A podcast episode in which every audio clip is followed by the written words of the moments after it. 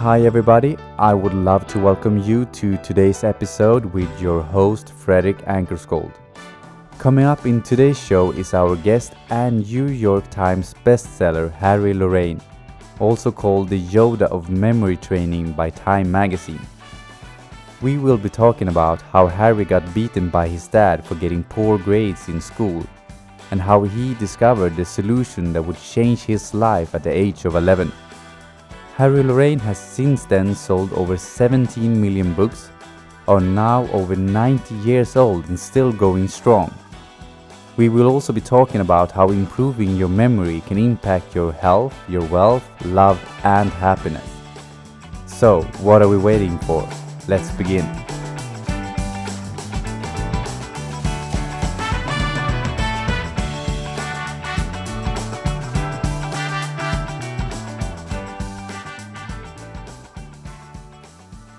So I would uh, I would like to welcome you, Harry, to today's podcast. How are you today? I'm fine, thank you, sir. Oh, nice to hear. So, Harry, I heard a little bit about your story, and you're a memory expert. How did you get into discovering those techniques? Oh boy, that's a long story. You sure you want to hear it, Frederick? Yeah, I'm sure. you know, I, I wrote an article I wrote a couple of articles about the subject where I said that sometimes bad can become good. And uh, how I became what I became is a good example. When, when I, I'm dyslexic, uh, Frederick, and when mm-hmm. I was a little boy going to school, uh, all my little classmates were getting passing marks on their exams, and I got failing marks. And I finally realized that the reason I was getting failing marks is because I couldn't remember the answers to the questions that were being asked. Because at that age, I was, I don't know, about 11 years old. At that age, you don't intellectualize. I mean, the question you ask, the, the questions you are asked, um, have a definite answer. Either you know the answer or you don't. And it finally dawned on me that it, all it boiled down to, if I wanted to stop getting failing marks is I had to remember those answers. I had to remember what the teacher said in the class, and I had to remember the pages that she told us to read. That made me think about doing something about my memory. I realized that it was my bad memory. And that's what I meant when I wrote this article about bad being good. I have a normal bad memory, but I went and I found books on memory training. I didn't understand most of it because I was only 11 years old, but the little bit I did understand that I changed to solve my memory problems, that changed my life. That started a career. Yeah. I also heard that uh, it was to avoid the pain from your family that made you go well, into the library. That, uh, that's that's part of it. Uh, well, let's see. The way uh, once on television, when I was on television, the the host uh, asked me, he said to me, Harry, how does somebody like you, without a formal education from the Lower East Side of Manhattan, how does somebody like you become the world's foremost memory trading specialist?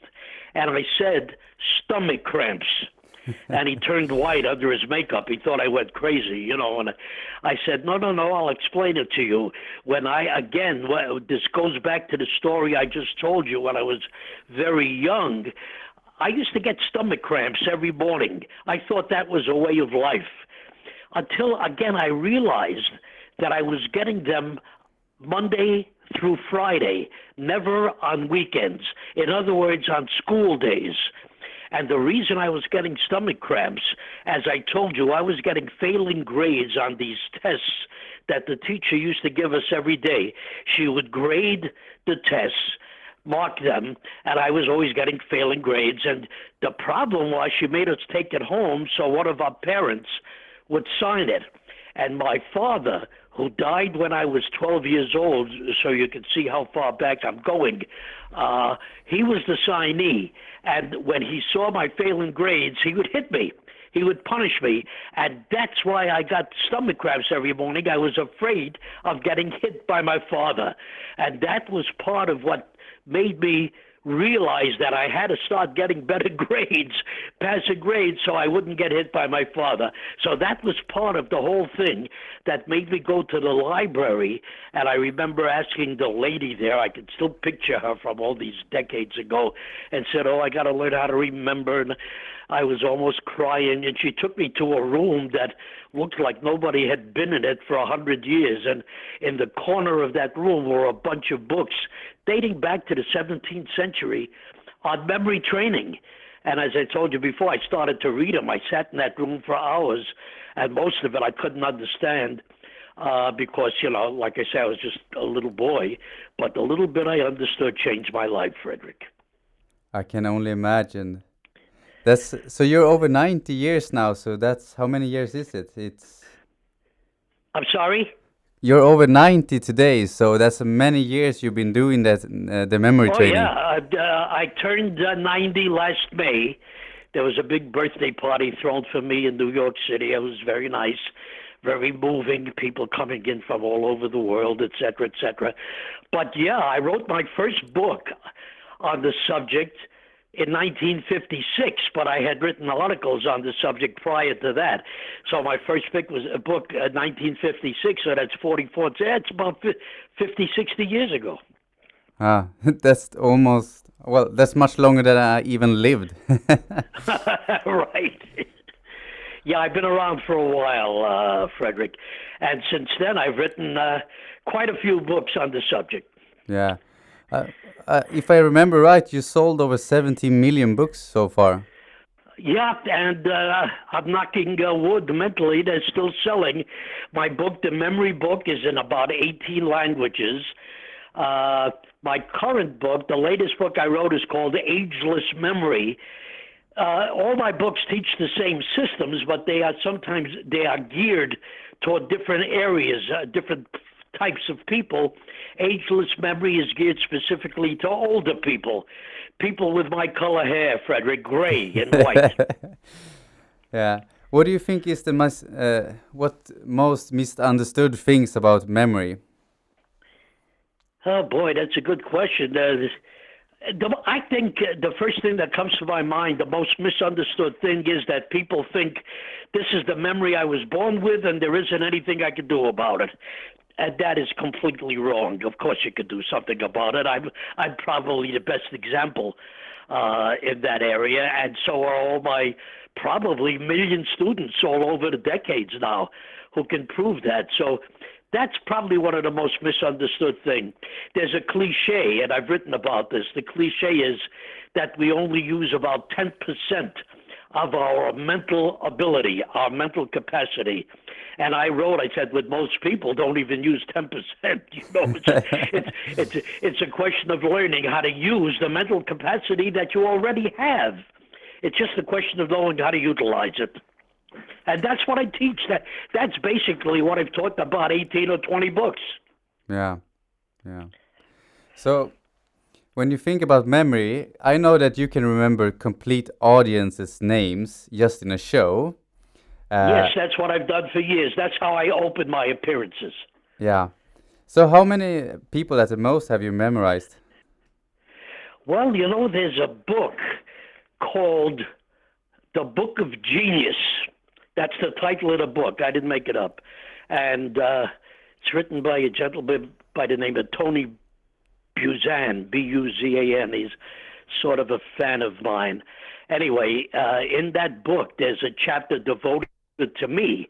Now, how he did the research, he asked me uh, how many shows I've done. This is many years ago, because I kept a record of all my appearances and etc. And approximately how many people I've met and remembered at each show, and how many te- television appearances I've made, and so forth and so on. And uh, this book came out about 10 years ago, I guess, something like that. And he figured out, to answer your question, Frederick, that I had met and remembered about 8,500,000 people in my career. Oh, my goodness. yes, that's what he figured out. I never counted them. Yeah. Is there a way to forget the names too then? Well, you know, it's funny. That's another thing I've written many times that my problem is not to remember. My problem is to forget. many times, you know, I used to do, when I was doing the act many years ago, my personal appearances, I would do an evening show at some hotel for a group at 8 o'clock, and then I had a late show uh, later on that same evening. And all the some of the things I remembered for the first show, I had to forget because I had to remember new things for the second show. So that became that's something that worked with me automatically. Forgetting. The truth of the matter is with with most people, not somebody like me who's in this particular business that I do it all the time. With most people, it boils down to use. You can apply my system to anything you like, but then if you don't use it, you forget it. For example, many people use what I call my link system to remember a shopping list you know, to go out shopping. They don't want. It's another thing I've written about so many times. People make a list when they go shopping. You know, listing the things they want to buy at the at the grocery store, and then they leave and they forget to take the list. For God's sakes, and and writing a list is not really very good because most of the time, when you write things, you are bypassing your brain. It's going from the source to the paper. So I teach how to remember it. But the reason I'm mentioning that right now is when you make a shopping list, you don't want to remember it uh, except for going shopping. Once you've bought all the things you want to buy, you don't need it anymore. So you're never going to think about it anymore. Then you, in quotes, forget it. Yeah. Uh, that's a good thing. You don't want to remember the shopping list after three years. exactly, because the next day you may do uh, another shopping trip. so, uh, of course, no, that works automatically. So, do you think there's a limit limit in how much we can remember? I, as far as I know, there isn't. There was no limit uh, to me. It's a, you're only limited by time. Uh, there are people I have uh, emails from people and letters over the decades from people. One person told me he used my system to remember uh, what is it called pi to the five thousandth or fifteen thousand decimal. People want to do these things to show off. I mean, I don't bother with it. I do enough uh, to show off, but there is no limit so far as I'm concerned. As I say, you're only limited by time. Yeah, yeah. So, except showing off with these things, where do you think that people can use a good memory in, for example, their relationships or business? Well, one of the books I wrote is called Memory Makes Money and was geared toward uh, business people. Uh, one of the examples I used if you're selling insurance, and if you call your customer Sam when his name is Paul, you're not going to make that sale. You know, I mean, so uh, many corporations all over the world, as far as I know, teach my systems as part of their training schedule because memory now is very important. You want to re- you want to remember potential customers' names, and people in the insurance company have told me you know, to carry a big book with all the rules and laws and prices and whatever eh, eh, about insurance. And if somebody asks them a particular question, they have to look through the book until they find the answer and tell it to them, that, which is okay. But if you use my, if you've applied my systems and somebody asks you a question about their insurance problem and you answer it right away, that's half your uh, sale right there right away they're more impressed with you because they feel you really know your business. Of course, memory is very important in business. Most important, remembering potential clients' names, obviously, telephone numbers. Hey, you know, it's according to your business. When I lived in many, many years ago, I taught uh, in New York City. I, I had a special class for police officers on how to pass their what they call the sergeantcy exam. In other words, to become a sergeant, you get a higher pay raise, et cetera, et cetera. So all it all boiled that test. Every test boils down to memory. Their questions what's the difference between first degree arson and third degree arson, how to remember license plate numbers, how to remember the names of people they're looking for to put in jail, you know. I mean, what, what, whatever it is that police had to remember. And I taught this course how to pass the sergeantcy exam with a guarantee, a money back guarantee that if they didn't pass the exam, they got their money back. I never had to return any money. So uh, the point is, it has to do with your business. Uh, I remember one person sending me a letter. He called the races at a racetrack. You ready for this? He used to call. He would be sitting. Uh, you can visualize it. He's sitting in a microphone and he's announcing the race. And he wrote to me or he called me and he said, Harry, one, one of my problems is I see a horse taking the lead I see his number, but then I have to look down at my sheet of paper to see the name of that horse. And by the time I look up, a different horse has passed him. So I have to remember the names of the horses without looking down at a sheet of paper. And I taught him that. He sent me a letter. He said, I saved his life. I, don't, I memorize it at every race. I memorize the names of the horses and their numbers in this particular race. End the problem. Yeah, I can only imagine is uh, another example that goes to my mind is when people are studying for school or exam or all these things uh, how much easier things can get for them. Say that again how much what? Easier it can get for them when they are studying for exams. That's uh, one of my current books is called uh, super uh, super memory super student and that's one of my bestsellers and on the cover of that book it says how to raise your grade in 30 days. But th- that's the whole point is to remember, you know, a lot of students used to come to me and they say they have trouble remembering things at lectures. They write, you remember what I told you about taking notes? They're sitting at a lecture and they hear something that's they think is important. They have to look down at their paper and write it. At that, while they're doing that, they're missing two or three other points that the lecturer is talking about.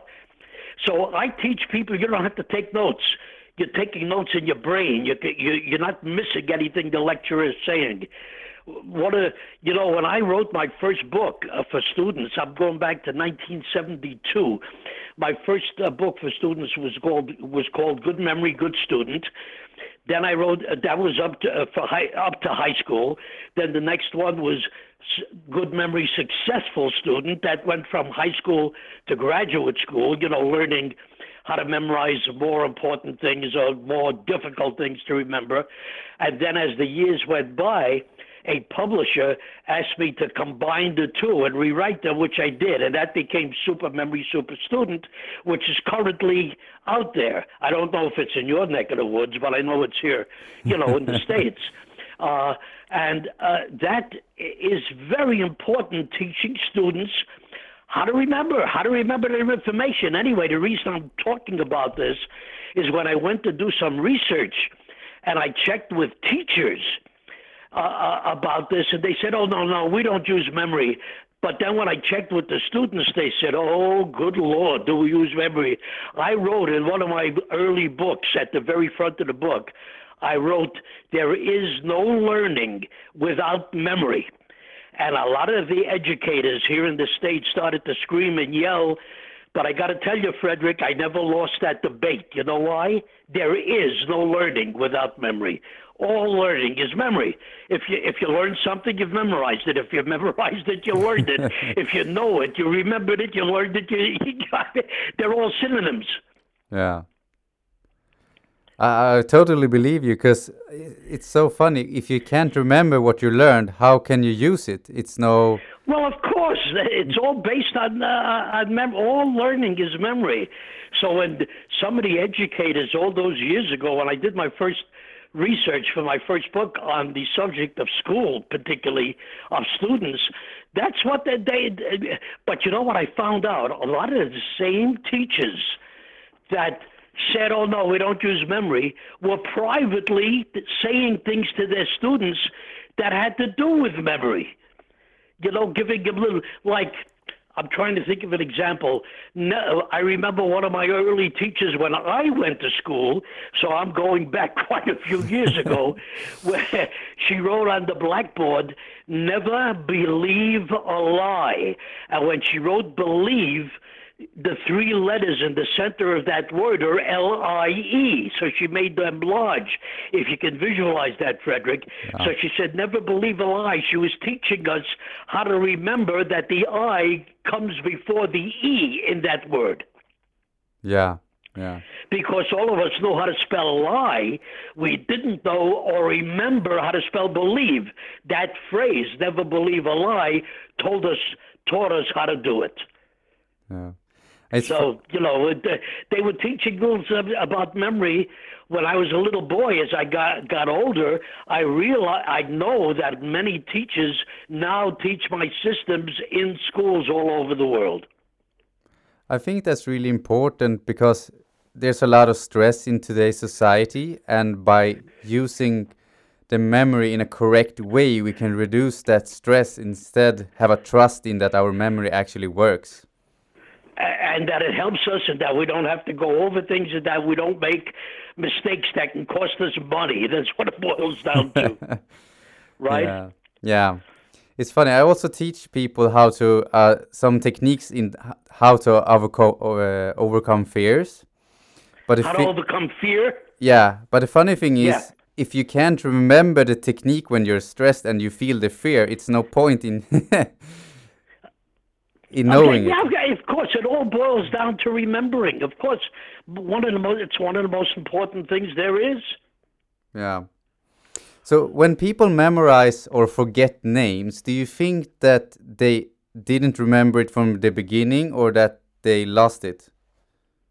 Well, again, I've written about this so many I times. I think you have a know, book uh, for every uh, every question I have. Yeah, of course. Uh, uh, I've written this, and I've uh, so it's going to sound repetitive or redundant to people who've read my books, but uh, you know I can't change it. It's the truth. The universal memory complaint. This is all over the world, Frederick. The universal memory complaint is I'm introduced to somebody. Uh, and about two minutes later, I forget his or her name. And I always say that's a lie. You did not forget his, his or her name. What you did is you didn't remember it in the first place. That's the key. Most people, I saw this when I was doing research when I was much younger, when I was first asked by publishers to write uh, books on on the subject. Uh, I watched, uh, you know, I would be introduced to somebody and they would be looking over my shoulder to see who could be important in this room. People do that. They're talking to somebody and they look over your shoulder to see who's important, little realizing that maybe the person they're talking to is the most important person. You know, the idea is to make eye contact and pay a little attention. One of the keys to my and all my work is very simple. I just said it, two words. Pay attention. yeah. That's what it boils down to. You know, when I was very young and got interested in the in this subject, probably in my late uh, teens, there were in in New York City, where I was born and raised, where I lived at the time. Uh, there were classes. People used to do classes or seminars on on uh, learning and remembering, and I would go to these classes, of course, and all of them ended with those two words. They would say, pay attention. And I always said, sometimes I'd yell it out because I got so annoyed. I said, I know that. I know you have to pay attention. Teach me how. None of them taught me how to pay attention. That's what I do. Ah, I love it. I love it. See, one of my cliches, Frederick, I have a lot of them, but one of my cliches is even if my systems don't work, they must work. Now, that sounds very contradictory. When I say even if my systems don't work, they must work, of course they must work. You know why?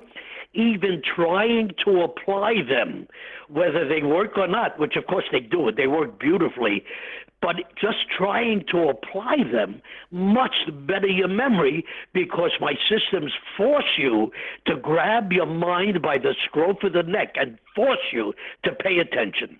That's the key. Yeah. That's what I love about what you do. You actually show people in your systems and books how to do things, not just saying to people that they have to pay attention, but actually showing them how to do it. Oh, of course. When I teach you, if I when I teach somebody how to remember a person, how do you pronounce your last name, Frederick? Pronounce my last name? yeah. How do you say? Uh, Ankarsköld. Anchor cold. Am I saying anchor cold or? I can say it cold? in English instead. Anchor's cold. Anchor's cold. You know when I saw it on uh, my computer when we were talking back and back and forth. You know what I did? I saw a ship's anchor. You know what an anchor is, right? Yeah, yeah. And it was freezing in cold water. The anchor's cold. I got it. Ah, perfect. And that's how you use. Do you see what I'm talking about? But but in order to do what I just told you, there come those two words again. I had to look at that name and pay attention. That's the key. Is is is paying attention. I meet somebody named uh, uh, Bentavania. Let's say it's an Italian name. It's a name a person I uh, did meet. Bentavania. Well, it's a conglomerate. If you don't know, maybe it has meaning in Italian, but if you don't know Italian, it's a conglomeration of sound. That's all it is. How in the world do you remember something like that? Well, I teach a few ways to do it, but the first thing is you got to make it meaningful in your mind. So when I met Mr. Bentavania, I thought of the bent weather vane, bent vein. That's going to remind me of Bentavania.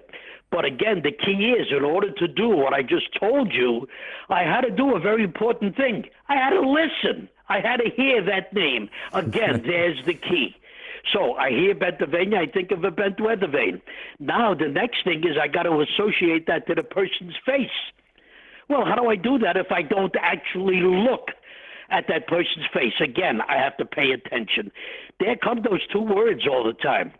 Now I got to tie the two things together. Let's say Mr. Bentavania, the first thing I notice on his face as I'm shaking hands with him, I notice that he has a big nose, for example. That's the first thing I see. Well, as I shake his hand, I visualize not a nose, but a bent weather vane in place of a nose. I've got it. The next time I see him, his nose is going to remind me of a bent vein, and that reminds me of Bentavania. I've used the word remind a couple of times here, and that's the basis of all memory. All my systems are based, and all memory is based on the reminder principle. One thing reminds you of the other. Yeah, it's like a trigger that triggers the memory, so you can yeah, actually trigger, have. That's use... it, reminding. Yeah. So you combine attention with visualization. Well, sure. You know, uh, you got to you got uh, what I teach people to do is take mundane things, things we forget are mundane, everyday things. I teach people how to visualize things in a strange way, in a ridiculous way. Aristotle wrote 3,000 years ago, one of the first sentence in one of his books is In order to think, we must speculate with images.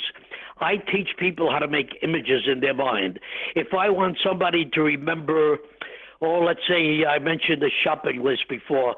Let's say you're going shopping and you want to remember, uh, oh, you got to go to the library, uh, but when you come out of the library, you promised your friend you're going to buy him a carton of cigarettes. Or I'm just making that up. I don't smoke and I don't want to make people smoke. But, I don't smoke uh, either. So, uh, okay, I'm an ex-smoker. That's why I think of those things. Uh, me too. Anyway, uh, I, when I visit a library, I think of a book. Now I want book to remind me of my next thing I want to do, and that is to buy cigarettes. Well, how do I do that? Okay, you make a silly picture in your mind between the two things. I can see myself smoking a gigantic book instead of a cigarette. I can see myself opening a book and a million cigarettes fly out and hit me in the face and burn me. Anything silly like that, you're not going to forget.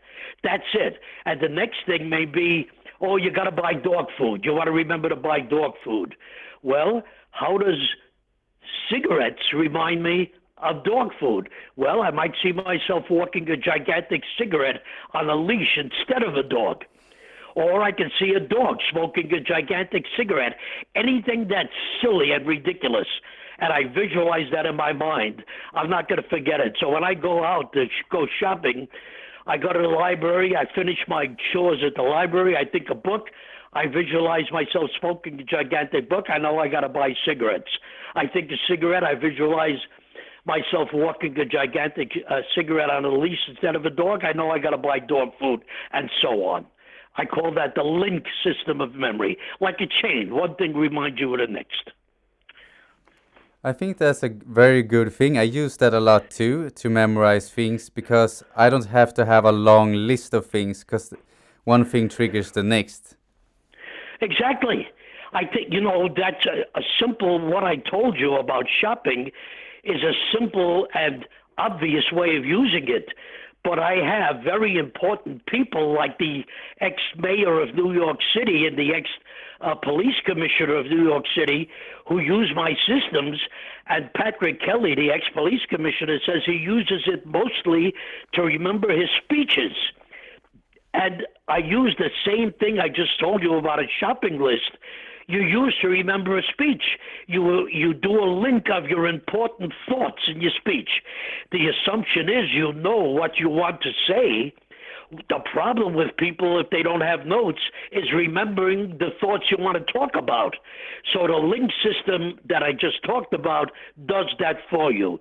You think of one word that reminds you of the thought, and then the next word that reminds you of the next thought, and you put the two together. Like if you were making a speech about books, using the example I did before, you talk about whatever you want to about books, and when you finish with that, obviously you thought you're talking about books. You, you saw yourself smoking a gigantic book. You know you're going to talk about cigarettes next, about how to stop smoking, uh, how not to be a smoker, and then you want to talk about dogs because you visualize yourself walking a gigantic cigarette. So the same system works for anything. Yeah. Uh, a funny thing that I read on the internet was a while ago was that some people think it's cheating, but they have misunderstood why how you use the memory if they think it's cheating to memorize something easier than other people. Why would that be cheating?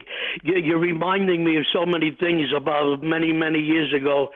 A student in a college in Chicago somewhere said they were going to throw him out of school because they thought he was cheating. He was cheating on a very important test. I've written about this also, uh, and uh, because he was using my systems and he was citing page numbers and using exact language uh, to answer some of the questions that were asked and all the professors there thought he was cheating. so he called me. He said, "I don't know what to do." I said, "Give me the name of your professor. Give me your telephone number." I called his professors. This is so many years ago, and and they said, "Well, he couldn't have done what he did if he wasn't somehow cheating." I said, "Well, there's a very easy way to solve it. Number one." If you'll pay the airfare, I'll send a 12 year old boy with his father to Chicago, and you can test him on anything. He'll show you the little boy, because the kid was a student of mine, how he can remember it word for word. But I'll give you even a, a cheaper way to do it. Why don't you do a test with this gentleman that you want to throw out of school? Why don't you test him orally, for God's sakes? How obvious! Test him orally long story short, that's what he did. He did. He gave the same answers standing in front of him, so they knew he couldn't be cheating, so they didn't throw him out of school. Uh, that's a perfect solution. Yeah, I mean, so sometimes you know you can be too good at what you do. You know, yeah. I I can't go into this, but many years ago, I was paid quite a bit of money to go into areas where there were people talking, where you were searched before you went in to make sure you weren't carrying any uh, paper and pens or recording devices, because there were secrets being told there that the people were paying me wanted me to remember those secrets. Yeah. but so I, you could use uh, memory in a variety of different ways. I think it's, it's, it is as many things that you can use it for good or for bad. But also, I think the conceptions or misunderstandings, misconceptions, and misunderstandings about memory is that when people are so used to that something is so hard and they see somebody doing it so easily, the first guess is that they're cheating or they're doing something unethical or something like that. Well, that's it. That's what these college professors were thinking. I mean, I kind of, I didn't do it out loud, but I kind of laughed at them. How could you accuse somebody of cheating just because they're good? you know, that's that's what it boils down to. But fortunately, I solved that problem for this young man who called me almost in tears that he was going to be thrown out of school. Yeah. So, how do you think that could help people that wants to improve their personal life, like uh, in the normal life? What techniques do you normally recommend there? Well, just pick up any one of my books. I mean, all you know, most of life is based on memory. You have to remember where you're walking. You have to remember the name of the person you're talking to. You have to remember what they're saying to you. I mean, everything is based on that. That's how. That's why we have brains, for God's sakes. I mean, is we we have to remember things, and that's what I teach. Listen, I'm knocking again. I'm knocking wood mentally. That's why I think my books are so successful. Yeah. I have letters from people you can't believe. I have letters from people who told me they wasn't the person I used on one of my television infomercials, uh, 70, uh, 75 year old man by the name of Bob Norland who had a stroke. And he wrote me a letter. I had him on my television infomercial after I got his letter. Of course, I sent the camera crew out to talk to him. He had a stroke, and he was told by his doctors that his memory was gone. He would never remember things again. And he said, fortunately, one of his friends or a member of his family brought him one of my books. And he said, That's why I'm writing you, Mr. Lorayne, because I now can remember things better than I did before my stroke. Uh, and I said, "Oh boy, will you say that on television?" He said, "Of course." he was in a wheelchair from a stroke, etc. And he told his story that I just told you. And he said, "Now I remember things better than I ever could before." And not only that, I'm doing memory demonstrations for my local Rotary Club and things like that. That's amazing to hear. Yeah, I've had so many letters like that from people who were told they could never remember again, or they had strokes, or they were in accidents where they had a brain injury. I, I'm told, but you know, I you know, I only have one year of high school, Frederick, so I got to be very careful uh, about what I say. I uh, and I am careful, but I have been told by doctors that people who apply my systems is a good way to hold back Alzheimer's. Now, I don't know for sure but I have a feeling that might be because it's great exercise and we need to exercise our brains. You know, I've written this also. If you let your arm dangle down for six months and never use it, it's going to atrophy. You won't be able to use it again. Well, the same thing with your mind. Think of it as a muscle. If you don't use it, it's going to atrophy and it doesn't do you any good. Yeah. I read a story about that. And the best exercise for your mind that I can think of is applying my systems. I can actually agree to that one because you're teaching people how to implement the knowledge too and remember. And uh, well, Harry, for those who, the people and the listeners who want to know more about you, where can they read and find more about you? Well, I wrote a, if you're talking about a memoir, uh, uh, Mel Mel Brooks is a good friend of mine. I don't know if he's known very much in your neck of the woods. You know who Mel Brooks is? Mel Brooks, yeah, I know. Okay, he's a very good friend of mine. Anyway, uh, when I wrote my memoir, he said you should call it a re-memoir, which is what I call it.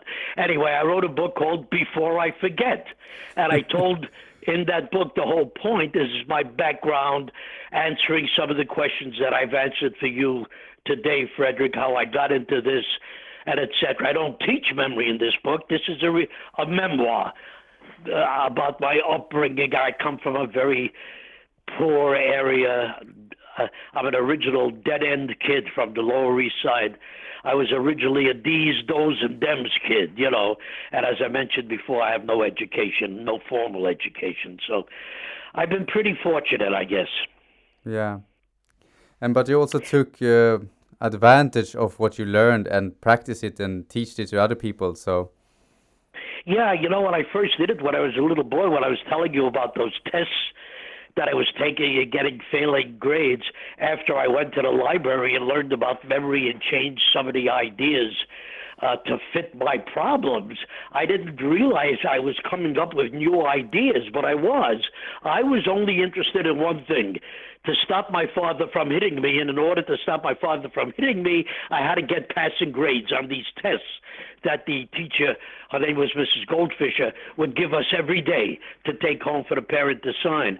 Uh, so that, that you know that's that's the basic thing. I had a very good incentive. Uh, that's the point.